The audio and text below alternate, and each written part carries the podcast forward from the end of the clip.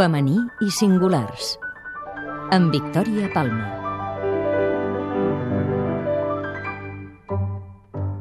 El 14 de novembre de l'any 1924, Ràdio Barcelona donava el tret de sortida a la història de la radiodifusió a Catalunya i a l'estat espanyol.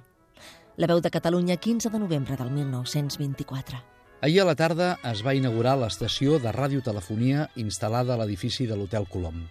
Després de retransmetre mitja hora de música, com a proves de modulació, l'anunciadora va dir La estación radiodifusora EAJ1 de Emisiones Radio Barcelona.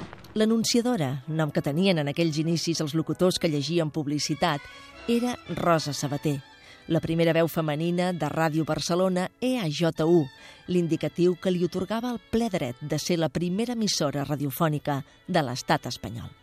La història de la radiodifusió a Catalunya havia començat pocs anys abans, després del seu inici mundial als Estats Units, i aviat aquell gran mitjà de comunicació de masses va arrelar al nostre país.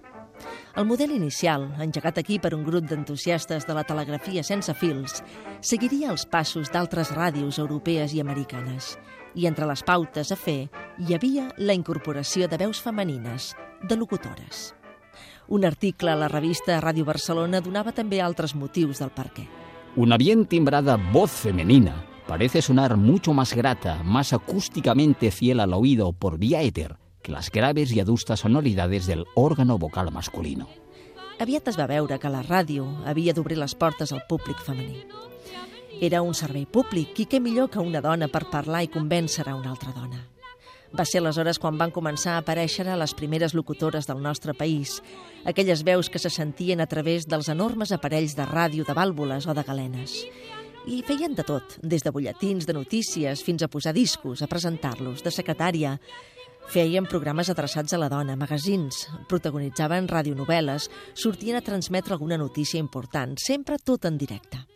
També feien de tècniques i tot servia perquè la ràdio s'anés consolidant i s'anés convertint en la primera finestra pública, tal com diu el professor Armand Balcebre, a través del qual el so de la veu femenina va impregnar amb naturalitat a la vida quotidiana de molts ciutadans. De mica en mica, la ràdio es va convertir en una nova professió per a moltes noies joves que veien en aquell mitjà una sortida a les seves inquietuds, tot i que la majoria hi arribaven gairebé per casualitat i sense cap formació, de ràdio, s'entén. De formació sí que en tenien. En aquells inicis, la ràdio donava molta importància a la bellesa de la veu i a una dicció correcta.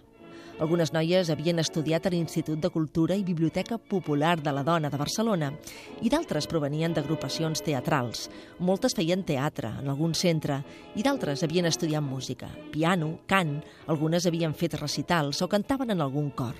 Però això sí, totes tenien un denominador comú, una veu bonica, ben timbrada i amb ganes d'explicar i si era possible en català, tot i que el règim franquista va trencar aquell tarannà modern que la ràdio havia agafat en temps de la República per passar a uns anys grisos, castradors d'aquella embranzida.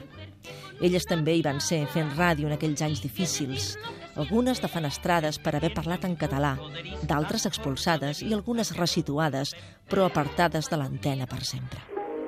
La llista d'aquestes dones de ràdio la formen des de l'anunciadora Rosa Sabater fins a la primera locutora de ràdio de Catalunya, Maria Cinta Balaguer.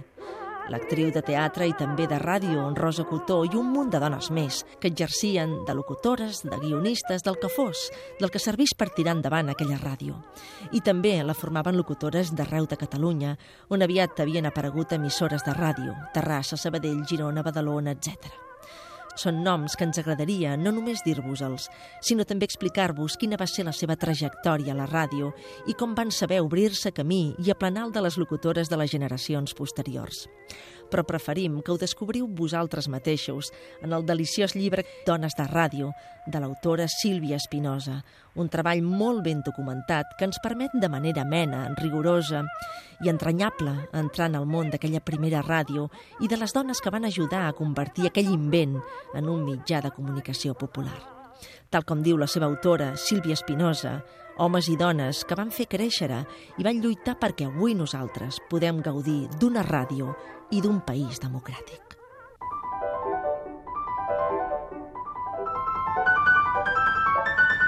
Femení i singulars amb Victòria Palma.